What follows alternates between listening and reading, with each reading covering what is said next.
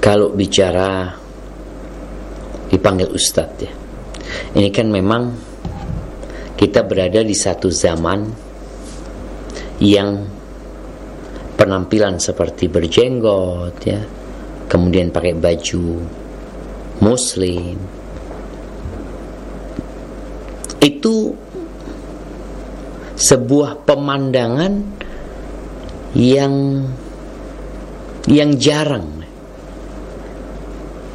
sehingga dipandang orang ini ustadz karena jenggotan pokoknya ustadz kemudian dilihat pakaiannya dilihat gayanya ini ustadz padahal bukan ustadz apa yang harus kita lakukan tatkala ada orang yang memanggil kita ustadz kita arahkan. Kalau memang antum bukan ustadz, antum sampaikan afwan, ana bukan ustadz. Sebagaimana kalau ada orang manggil antum dok, dokter, dok, eh ana bukan dokter gitu.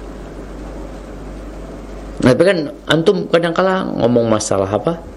Masalah pengobatan ini itu iya tapi ana bukan dokter gitu. Sehingga orang itu tidak tertipu sama kita